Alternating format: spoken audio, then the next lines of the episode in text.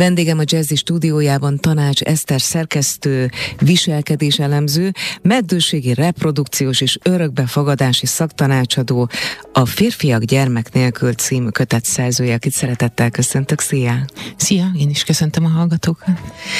Ez a kötet már egy második része, egy, nem tudom, hogy sorozat lesz-e belőle, de minden esetre egy olyan folyamatnak, amelynek részeként te elkezdtél találkozni és mély interjúkat készíteni olyan emberekkel, akiknek vagy nem lehet gyereke, vagy valamiért nem vállaltak gyereket. Az első kötet Nők gyermek nélkül, erről egyébként volt is egy beszélgetésünk, és most jött a férfiak gyermek nélkül, gondolom, hogy teljesen egyértelmű igényként lépett fel hogy igenis kell a férfiakról is készíteni egy ilyen interjúkötetet. Érdekes volt, mert inkább én bennem merült föl ez, a, Tényleg? ez az igény. Igen, nagyon sokan megkerestek a nők gyermek nélkül megjelenése után.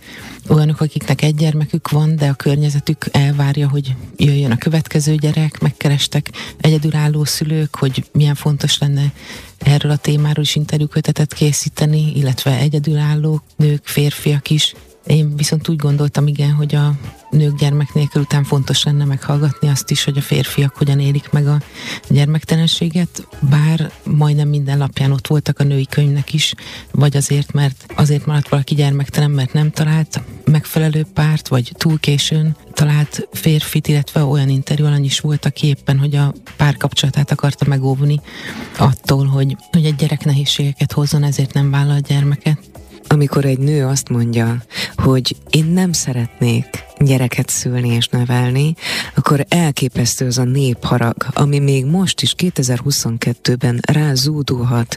Most elolvastam a Férfiak gyermek nélkül című kötetet, és persze itt is van számos tragikus történet, de ha egy férfi mondja azt, 30 évesen, 50 évesen, hogy én nem akarok gyereket, jóval elnézőbb a társadalom.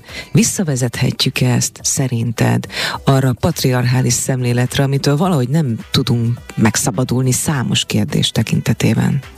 Igen, abszolút ez is benne van, ahogy a kötetben is fogalmaz Szalmai vagy családszociológus. Egy férfi akkor is lehet tökéletes férfi, hogyha nem akar gyereket.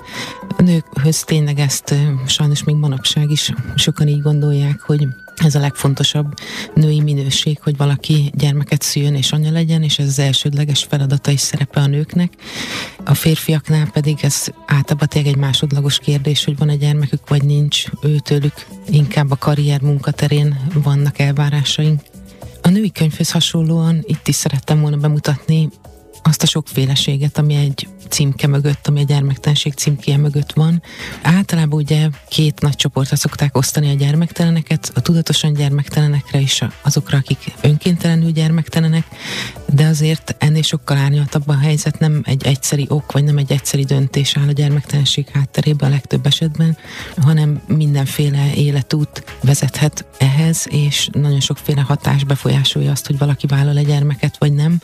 Tehát valahogy ezt szerettem volna megmutatni, körbejárni, hogy, hogy mennyi minden alakítja a gyerekvállaláshoz kapcsolódó történetünket. A férfiak is érzik ám az idő múlását és annak a sürgetését. A, tehát a férfi interjúkban is megjelenik ez a kérdés, hogy, hogy meddig lehet várni.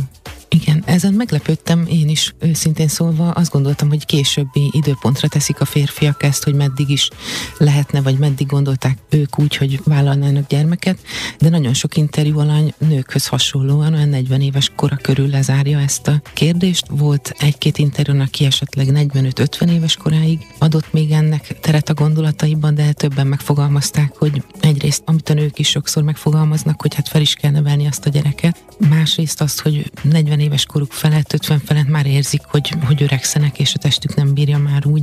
Nem lehet, hogy ez csak egy, egy elbújásra ad lehetőséget?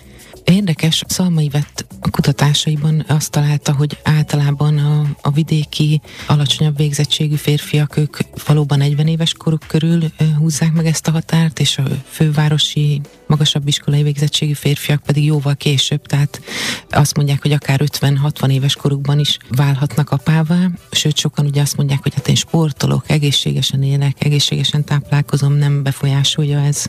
Tehát, hogy azt gondolják, hogy nem befolyásolja az életkora az, hogy meddig vállalhatnak gyereket, de valamiért itt a könyvben mégiscsak valahogy ez a 40 éves kor ez így megjelent, és hát ugye az is szerepet játszik, hogy a társadalom mit gondol arról, hogy akár ugye egy nő, de akár a férfiak esetén is, hogy meddig vállalhat egy férfi egy nő gyermeket, és hát készült egy kutatás Európában, több mint 20 ország közül Magyarország adta meg legrövidebb időhatárt, és gondolta úgy, hogy 39 éves kora fölött egy nő már ne vállaljon, hm. és 43, azt hiszem 43 éves kor fölött egy férfi már ne vállaljon gyereket. Tehát ez is szerepet játszik benne, de az is kiderül a, a kötetből, dr. Takács Tamás, andrológus, urológus szakorvostól, hogy ez valóban egy tévhit, hogy a férfiakat biológiai szempontból nem korlátozza az életkoruk, mert hogy szerencsés esetben egy férfi élete végéig termel hímivarsejteket, de szinte minden férfinél 35-40 éves kora között romlik a hímivarsejtek mennyisége vagy minősége, és kimutatott ma már, hogy hogyha 40 éves kora fölött válik valaki apává, akkor a gyermeknél bizonyos fejlődési hibák nagyobb arányban jelennek meg. Innen folytatjuk hamarosan beszélgetésünket Tanács Eszter szerkesztővel, a Férfiak gyermek nélkül című kötet írójával. Folytatjuk műsorunkat a mikrofonnál Hávarga Marian, beszélgetőtársam Tanács Eszter, viselkedés elemző, meddőségi reprodukciós és örökbefogadási szaktanácsadó, a Férfiak gyermek nélkül című kötet szerzője. A nők teherbeesését nagyon sok orvosi lehetőség, eljárás segíti, és hát mondjuk ki, hogy többnyire a nők vannak előtérben. Számomra azonban érdekes újdonságokat is mond, mondott ez a könyv arról, hogy ma már milyen orvosi lehetőségek állnak rendelkezésre a férfiak számára, akár kivizsgálások, akár a várandóság elősegítése érdekében. Beszéljünk egy picit most erről. Igen, és pont ezért tartottam fontosnak, hogy egy kicsit a kivizsgálás és az egész lombik eljárásnak a menete a férfiak szemszögéből bekerüljön a könyvbe, hogy erről valóban keveset beszélünk, erről keveset hallani. Ugyanakkor a történetekből pedig éppen az derült ki, hogy a férfiak úgy élik meg, hogy azért mégiscsak kisebb szerepük van egy lombik eljárásban például, és nagyon nehéz nekik látni azt, amin a párjuk, a feleségük keresztül megy. Volt, aki azt is megfogalmazta, hogy ha lehetne, akkor inkább ő kérni az injekciókat, mert annyira Igen. rossz nézni, hogy a feleségét folyamatosan injekciózni kell. Ahogy Takás Tamás is mondta, azért egyre több férfivel találkozni, aki feleségével együtt, vagy a párjával együtt ugyanolyan mélyen utána jár, és átbeszélik a lehetőségeket, de hogy ő is mondja, azért legtöbb esetben azért a nő viszi ezt a folyamatot, és a nő jár utána lehetőségeknek. Takás Tamás mesél nem csak a kivizsgálás folyamatáról, hanem a lehetőségekről is, hogyha kiderül, hogy valamilyen nehezítettség van férfi oldalon. Fölmerül ugye az is egy történetben is, amire reflektál, hogy mi történik akkor, amikor egy daganatos megbetegedés miatt, a kezelések miatt valaki sterilé válik, hogy akkor ugye előtte milyen fontos például mintát fagyasztatni, és hogy utána milyen lehetőség van arra, hogy gyereke születhessen az illetőnek. Tehát ilyenekről is esik szó a könyvben. Több szakember is megjelenik a könyvben. Említsük meg mindenképpen Hadas Miklós nevét. Itt például az anyaszerep, apaszerep kapcsán milyen következtetésekre jut? Valóban felborultak-e a hagyományosnak gondolt szerepek? Voltak éppen hagyományos szerep jó szerepe? Hát nagy átalakulásban vagyunk szerintem folyamatosan, és Hadas Miklós is erről mesél, hogy hogyan alakultak a férfi-női szerepek, ugye ahhoz, hogy a, a gyerekvállaláshoz, a gyerekhez való viszonyt át tudjuk tekinteni, ahhoz először egy kicsit gondolkodni kell arról is, hogy a nő és a férfi viszonya hogyan alakult, hogy nem egy régi dolog a, például ugye az érzelmeken alapuló házasság, de hogy az előző kötetben ugye Őri Péter történész is mesélt róla, nem olyan rég volt az, hogy a csecsemő halandóság miatt más kötődést alakítottak ki a szülők a gyerekeikhez, akár ugye önvédelemből, tehát, hogy amiről aranykorként gondolkodunk most, vagy sokan gondolkodnak a nukleáris családról, a két szülő, két gyerek fennállásról, ez nem olyan régen történt, és hát közben meg ugye átalakulóban a világ évtizedek óta, és talán erre is rámutat a kötet, hogy már nem csak ezt lehet családnak tekinteni, hanem miért ne lehetne egy gyermektelen pár is teljes értékű család. Nyilván nem célja a kötetnek, hogy bárki mellett állást foglaljon, ahogyan az előző kötetnek sem volt ez a célja, hanem inkább egy rálátást biztosítasz az olvasónak rengeteg véleményről. De biztos vagyok benne, hogy amikor elkészültél a kézirata, volt benned egy, egy érzés, hogy hogyan is állnak a mostani magyar férfiak a gyerekkérdéshez. Igen, az volt az élményem, ahogy készültek az interjúk, hogy nagyon sok férfi számolt be arról, hogy olyan mintát kapott gyermekkorában, úgy nevelkedett, amit, amit nem szeretne továbbvinni. Valahogy engem nagyon megérintett, meg tisztelt méltónak is gondolom, hogy próbálják kimunkálni, kidolgozni, hogy hogyan szeretnék ezt csinálni, hogy, hogy hogyan tudják kimunkálni tényleg a saját útjukat, továbbvinni azt, ami, ami jó volt, de megváltoztatni azokat, ami még egész másként működött az ő gyerekkorukban, az ő szüleikkel való kapcsolatukban. Tehát itt bántalmazó kapcsolatra kell gondolni? Nem feltétlenül, sajnos ugye arra is sok példa van, megjelennek több interjúban szenvedélybeteg szülők, de egész egyszerűen az, amiről hát szerintem nagyon sokan be tudnak számolni Magyarországon, hogy nem volt szokás az érzelmekről beszélni, nem úgy voltak ott érzelmileg, nem voltak úgy elérhetők a szülők, mint ahogy ma a szülők próbálnak ott lenni a gyerekeik számára, és ezt sokan viszik magukkal hosszú időn keresztül ennek a terhét. Ez akár le is állíthatja a folyamatot pszichésen, még hogyha fizikailag alkalmas is, nem? Igen, egész biztos, hogy ez mélyen beleszól. Nekem az volt a benyomásom a kötetek alapján, hogy tényleg nagyon meghatározó az, hogy ki mit tapasztal a családjában, de aztán érhetik még olyan hatások, tehát akár az iskola, akár később a párkapcsolatok, tehát ezek mind-mind tudják ugyanabba az irányba is tovább vinni, vagy éppen segíteni, átalakítani ezt, a, azt az örökséget. És sokan a kötetből önismereti úton járnak, és próbálnak a végére járni ennek, és változtatni az örökségen. Egyébként olyan érdekes volt, hogy a, a nőkkel kapcsolatos könyvben nekem több volt a lekerekítés, mint hogyha a nők valahogy jobban feldolgoznák magukban. Ebben az interjúkötetben pedig szinte mindegyik történet végén éreztem egy ilyen kis félbehagyottságot, egy ilyen le nem kerekített mondatot. Hát az biztos, hogy amikor a női kötet készült, akkor több nő érkezett úgy az interjúra, hogy hozta magával a jegyzeteit, hogy elmesélte, hogy most már hetek óta készül erre, és ezen gondolkodik. Nőknek is, férfiaknak is előzetesen elküldtem egy kérdéssort, ami segített felkészülni a, a beszélgetésre, tehát a nők sokszor hozták ezt, és ott voltak a jegyzeteik, beszámoltak az álmaikról, hogy akár már hetekkel, napokkal az interjú előtt ezzel a témával álmodtak. Férfiaknál senki sem érkezett a jegyzeteivel, és volt, aki azt is elmesélte, hogy ha tényleg most nem velem beszélgetne erről, akkor lehet, hogy idén eszébe se jutott volna ez az egész mm. gyerekvállalás vagy gyerektelenség téma. Tehát lehet, hogy ez is benne van, hogy, hogy aki például nem próbálkozik aktívan gyereket vállalni, nem feltétlenül jár olyan sokszor az eszébe. A nőknek azért szerintem jobban eszébe is van juttatva általában. Mm-hmm. Úgyhogy talán ez ezért lehet ez. Hamarosan folytatjuk beszélgetésünket Tanács Eszterrel, a Férfiak gyermek nélkül című kötet szerzőjével. Tartsanak velünk a továbbiakban is. Folytatjuk műsorunkat a mikrofonnál továbbra is Hávarga Marian, beszélgetőtársam Tanács Eszter, viselkedés elemző, meddőségi reprodukciós és örökbefogadási szaktanácsadó, a Férfiak gyermek nélkül című kötet szerzője. Egy ilyen kényes téma esetében, ami tényleg a legbelsőbb magánügye mindenkinek, valószínűleg tartom, hogy nagyon nehéz volt felvenni a kapcsolatot azokkal, akik végül megosztották a tapasztalataikat, a titkaikat veled, és hát így aztán velünk olvasókkal is. Női interjúanyok megkeresésében azért egy kicsit könnyebb dolgom volt, kevesebb visszautasítást kaptam. A férfiaknál a Facebookon lombikos csoportokba is tettem ki például felhívást, tehát ott egy kicsit több követ meg kellett mozgatni, hogy találjak olyan férfiakat, akik szívesen mesélnének a történetükről. De vajon miért? Ez a szokásos, elrejtem az érzelmeimet, mert férfi vagyok, attitűd?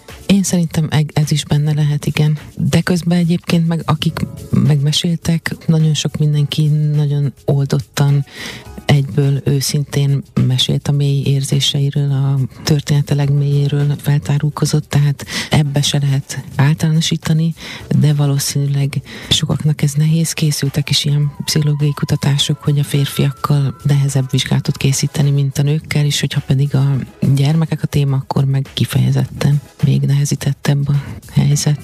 Ez, hogy a férfiaknál sok érzelem megjelent, ez talán tényleg azt is erősíti, hogy, hogy ő nekik is van itt terük meg ő nekik is lehet fontos. A gyerekvállalás, a gyerektelenség témája, és amire még örülök, hogyha ez felhívja a figyelmet, az az, hogy mindig csak a nőkre szoktunk fókuszálni a gyerekvállalásnál, a gyerekvállalás nehezítettségénél. Sokszor azt is gondoljuk, hogy ha nehezített az út, hogyha akadályok vannak, akkor az a nőket viseli meg, és ez az ő veszteségük, miközben a férfi is ugyanúgy része, ugyanúgy benne van ebbe, és saját jogon őnek is lehetnek érzései, és szomorúság, és mindenféle egyéb dolog, megjelenhet, úgyhogy örülök, hogyha erre fölhívja ez a figyelmet. Ami még ezt nehezíti, az az, az hogy sokszor a nők is, meg a férfiak is azt gondolják magukról, hogy ő az a szerepük, hogy a nő mellett támaszt jelentsenek, támaszt nyújtsanak, ők legyenek a kőszikla, aki megtartja őket, és nem mindenkinél így működik ez, már hál' Isten van a kötetben is példa rá, amikor igenis meg tudják egymással a pártagjai beszélni az érzéseiket, és felváltva tartják egymást. A szakértőket nézzük meg egy kicsit. Ugye a 16 interjú mellett andrológus, szociológus, pszichológus, bioetikus szakértő is megszólal a könyvben. Melyek voltak a számodra felismerés jellegű mondatok egy-egy szakértőnél, hiszen a nők esetében már nagyon sok mindenbe beleástad magad. Voltak-e meglepetések számodra is? Szalmai vett szociológus arról mesélt, hogy egyrészt többen is vannak a gyermektelen férfiak a gyermektelen nőknél, másrészt nagyobb arányba is növekszik az arányuk. Ez egyébként nekem meglepő, mert annyira csak tényleg a nőkről hallottunk mindig, tehát jó, hogy erre felhívta a figyelmet. Dr. Nagy Beáta Magda, klinikai szakpszichológus, szociológus, sokat dolgozik meddőpárokkal, illetve kutatja kifejezetten a férfi meddőséget. Ő szintén arról számolt be, hogy, hogy a kutatásokban is alig-alig találni férfiakkal kapcsolatos kutatást a meddőség témában, és hogy mennyire fontos lenne pedig az ismeretterjesztés, az, hogy a férfiak tudjanak ezekről, amikről az előbb beszéltem, hogy lehetnek érzéseik, hogy nincsenek egyedül, és hogy pont ezért, mivel nagyon keveset beszélünk férfi meddőségről, ezt is alábecsülik az emberek, hogy milyen mértékben érintettek a férfiak. Ugye Magyarországon körülbelül minden ötödik pár érintett a meddőségben, és az esetek felében a férfi oldalon, vagy férfi oldalon is van valamilyen nehezítettség. Tehát ezt is fontos tudni. Az a benyomásom, hogy magukra veszik, és ez a beteg státusz alása egy kicsit tényleg a nőiességet, a férfiasságot, az egészség, egészségesség tudatát, úgyhogy én inkább ilyen nőkkel, férfiakkal találkoztam, akik magukra veszik ezt a meddő pecsétet. Leonid a kötetben szerepel, aki a 40 éves kora körül szembesült azzal, hogy, hogy nemzőképtelen, ő arról mesélt, hogy, hogy olyan volt ezt megtudni, akkor sok volt neki, hogy így képzeli el, mint amikor egy nőnek mondjuk leveszik a mellét, tehát hogy ez annyira a férfiassághoz hozzá tartozik, ez a tudat, hogy képes vagyok gyereket nemzeni, hogy ő neki ezt nehéz volt feldolgozni, és nem is nagyon osztotta meg egyébként csak a nagyon szűk családdal azt, hogy mi is a helyzet ő vele, és hát Nagy Beáta Magda, pszichológus, szociológus mesél erről, hogy például gondoljunk csak bele a nőkkel szembe, szánalom, sajnálat, alatt így szokott fordulni feléjük a környezet, hogyha kiderül, hogy meddők. A férfiaknál pedig valamiért összemosódik a, az infertilitás az impotenciával, és hogy meglepő módon ők meg a poénkodásnak, a viccelődésnek a céltáblái lesznek. Tehát, hogyha férfi haverok tudnak róla, akkor átmenjek, segítsek, és hasonló ö, viccekkel traktálják a meddő férfit, úgyhogy ez egy ördögi kör, mert nem mondják el így, viszont akkor nehezebb egyedül vinni ezeket a terheket, hogy milyen helyzetben vannak. Folytatjuk beszélgetésünket Tanács Eszter szerkesztővel, viselkedés elemzővel, meddőségi reprodukciós és örökbefogadási szaktanácsadóval, a Férfiak gyermek nélkül című kötet szerzőjével. Az imént az egyik interjú alanyodról beszéltünk, a 40-es éveiben járó Leonidról, akitől egyébként ki is emelsz egy mondatot. Ne szégyeld a meddőséget, ettől még ugyanúgy férfi vagy. Szóval ő meghatároz valamit egyetlen mondatban, ami könnyen lehet, hogy egy komplet generáció problémája. Igen, ő egyébként pont ezért vállalta az interjút, mert megélte ezeket a, az érzéseket, és, és azt gondolta, hogy, hogy ő körülötte sincs senki, nincsen sorstárs, akivel ezt át tudná beszélni, és letenni így a terheket, de fontosnak gondolta, hogy amiket ő végig szenvedett, amin át ő küzdötte magát, hogy mások is tudjanak róla, és ne érezzék magukat ettől kevesebbnek, hogyha nemzőképtelenek. Egyébként visszaigazolják a szakemberek, hogy nagyobb arányú a nemzőképtelen férfiak aránya most, vagy száma most, mint mondjuk korábban, vagy csak többet tudunk erről? Dr. Takás Tamás, andrológus, urológus szakorvos abszolút erről számolt be, hogy, hogy ez egy tendencia a fejlett világban, hogy egyre romlik a férfiak nemzőképessége. Mesél is erről a kötetben, hogy milyen hatásokat találtak ennek a hátterében, és hogy mit tudunk tenni ez ellen, vagy mit nem.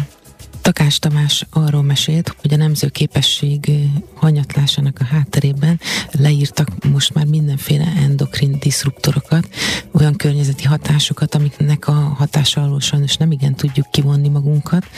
Ugyanakkor számos olyan életmód tényező is van, amire viszont van befolyásunk. A dohányzás, a mozgás, a tesztmozgás, az étkezés, ugye ezeknek a anabolikus szteroidoknak a kerülése, tehát vannak azért olyan dolgok is, amit a férfiak kézbe tudnak tartani és tudnak kontrollálni, de számos olyan környezeti ártalom is van, amit sajnos tétlenül elszenvedünk ami mind-mind hatással van a nemzőképességre. Ugyanakkor mindig érdemes megvizsgálni a pszichés okokat. Mint ahogy te magad is készítettél, ugye dr. Andrek, Andrea pszichológussal, klinikai szakpszichológus interjút, ma már elképesztő tárháza van az orvosi lehetőségeknek. És mégis sok párnál előfordul, hogy semmilyen testi ok nem indokolja, hogy ne jöjjön a baba. Akkor is egyébként, ha tudni lehet, hogy milyen orvosi ok van a meddőség vagy nehezített gyerekvállalás hátterében, akkor is nagyon fontos lenne a pszichés támogatás, és sajnos ez nincs ugye kötelező jelleggel beépítve a, a magyar rendszerbe, mert hogy az is számos kihívás elé állítja az egyént és a párt is egyen eljárásnak a folyamata, ugye veszteségekkel teli lehet mm. egy ilyen folyamat, tehát annyi, annyi ponton érheti kudarc, veszteség a párt, hogy ennek a feldolgozásához is fontos lenne a, a pszichés és segítségnyújtás, illetve ugye felkészülni, vagy tudni arról, hogy, hogy ennek van egy lelki oldala is, és hogy ott mikre lehet számítani, hogy hogyan működik a gyászfeldolgozás, hogyan történik ez egy férfiba, egy nőbe, hogyan lehet ezt a párkapcsolatban úgy csinálni, hogy, hogy védjék a párkapcsolatot, és emellett azonban sajnos ugye sokszor előfordul, hogy amikor nem találnak orvosi okot a meddőség hátterébe, akkor mondjuk azt gondolják a párok, hogy na, hogy akkor biztos a párkapcsolattal van baj, mert mi mással lehetne probléma, azért ez nem ennyire egyszerű, meg nem ennyire fekete-fehér. Sokszor ez a kételj nem is biztos, hogy jót tesz ebbe a nehezített helyzetbe a párkapcsolatnak, de az biztos, hogy mindenkinek szerintem akkor is, hogyha nem nehezített a gyerekvállaláshoz vezető út, fontos lenne tisztába kerülni azzal, hogy hogyan is van ő a női, férfi szerepekkel, az anyasággal, az apasággal, milyen mintákat hozott otthonról, és számos olyan dolgot körbejárni, milyen motivációi vannak, miért szeretne gyereket. Tehát ezt az egészet körbe járni úgy, hogy, hogy egy tudatos döntés születhessen is, hogy az önismerete fejlődjön valakinek annyira, hogy, hogy úgy tudjon gyereket vállalni, hogy, hogy önmagával már képbe kerüljön. És milyen érdekes, mert egy csomó pár, akinek viszont minden probléma nélkül születik gyereke, valójában ugyanebben a cipőben jár, mert érzelmileg még alkalmatlan, vagy lehet, hogy mindig is az lesz arra, hogy gyereket neveljen, és akkor felnőtt emberek kamasz lélekkel próbálnak meg kicsi gyerekeket egészséges felnőtté nevelni, tehát ez nyilván nem csak ezeknél a pároknál, hanem mindenkinél probléma. Igen, igen, ez többen is megfogalmazták gyermektelenek, hogy amikor ő tőlük kérdezi meg valaki, na, hogy mi a helyzet, meg miért nem akarsz gyereket, ha nem akarsz, és a többi, és a többi visszakérdeznek, tehát a szülőktől nem is szokta senki megkérdezni, hogy miért szeretne gyereket, és hogy ezt tényleg valamikor gondolja át, és legyen tisztában saját magával, a saját vágyaival, a saját félelmeivel, és ezt is többen megfogalmazták nekem, hogy, hogy az örökbefogadási folyamatban például ugye számos ponton alkalmassági vizsgálatokon és hasonlókon mennek át a, a jelentkezők, de vér szerinti gyereket bárki tud úgy vállalni, ugye, hogy nem, nem kell előtte kiváltani rá egy jogosítványt, és nem kell egy önismereti vagy, vagy nevelési tanfolyamon részt vennie. Ott tartottunk, hogy milyen komoly érzelmi, pszichés kérdések is felmerülnek, például elhúzódó családalapításnál. Mondjuk, hogy miért is akar minden áron gyereket a pár, akár megerőltető beavatkozások árán is. Valóban a gyereket akarják, vagy akarnak egy gyereket, mert nekik is kell, hogy legyen gyerekük? Igen, ebben számos dolog állhat a háttérben, amit érdemes felkutatni, de abban is biztos vagyok, hogy pszichológiai folyamat zajlik a háttérben, hogyha van egy sikertelen lombik, utána még egy és még egy, tehát minél többet, minél több energiát, időt, pénzt áldoz erre valaki, annál inkább úgy gondolja, hogy akkor most már megyek tovább addig, amíg nem lesz Most már eredményt akarok. Igen, igen. És egyébként a társadalom hogyan áll ehhez vajon a megszólaltatottak szerint? Tehát, hogy, hogy értékelik ezt az erőfeszítést? Én szerintem egy pontig igen, aztán valamikortól már irracionálisnak tűnik sokak szemébe, amikor valaki mindent próbál megtenni azért, hogy gyermeke legyen. Hát én erről is azt gondolom, hogy egyszerűen el kellene fogadnunk, hogy mi valahogy gondolunk valamit, és mindenkinek megvan a maga, maga élete, a maga története, nem véletlenül hozza azokat a döntéseket, amiket hoz, és ezt próbáljuk meg tiszteletbe tartani. A kötet legutolsó szakértői interjúja dr. Nemes Lászlóval készült, aki bioetikus. Bioetikai szempontból egyébként nagyon sok mindent vet föl ez a kérdés, hogy minden áron kell hogy gyerekem legyen. Melyek voltak a számodra izgalmas felvetések ebben az interjúban? Ami szerintem a legizgalmasabb volt, az azt járta körül a doktor Nemes László, hogy hogyan is hozunk olyan döntéseket. Hozunk-e valóban döntéseket, vagy csak sodródunk valami mentén. Tehát az egyik jelenség, amire a szakember rámutatott, az az, hogy, hogy most már annyi lehetőségünk van, hogy sokkal, de sokkal nehezebb döntést hozni, mint, mint évtizedekkel korábban, amikor meg volt egy viszonylagos kerete az életnek, és sok-sok behatároltság volt benne. Manapság sokkal nehezebb eldönteni ebből a számtalan, végtelen opcióból, hogy milyen életet is szeretne valaki élni. Túl színes szagos, ami körülöttünk van? Igen, és bármi, azt hiszük, hogy bármi lehetséges. De közben? De közben sokkal egyszerűbb lenne dönteni, hogyha A és B verzió közül kellene döntenünk az életünkben is. De hát nem ez a helyzet. Igazából miért szereted ezt a kötetet? Mitől más, mint a nőkkel készült interjú köteted?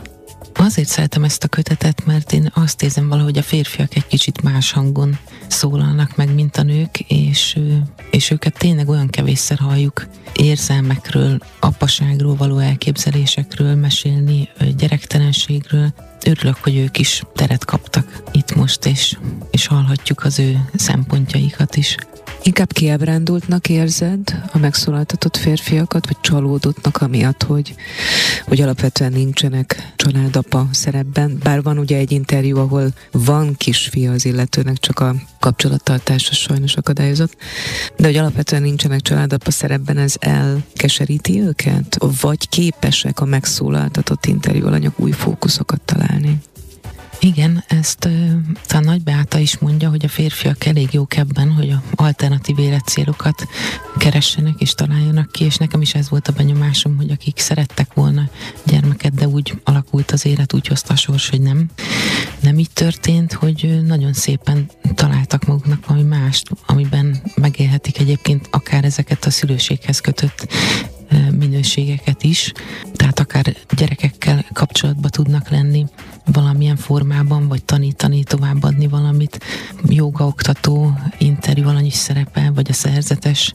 Igen. Szerzetessel készült interjú, aki tanítja a gyerekeket, és és hát ők az egyik családja, de nekem az is egy szívmelengető volt hallani, hogy arról mesélt, hogy a rendtársai, ugye akikkel már évtizedek óta testvéri viszonyban, igen, igen. És hogy már a folyosón a társcsoszogásából hallja, hogy éppen milyen hangulata van. Tehát, hogy hogy meg lehet élni számos más úton is ilyen kötelékeket, és, és más családokat kialakítani, nem csak a gyerekekkel.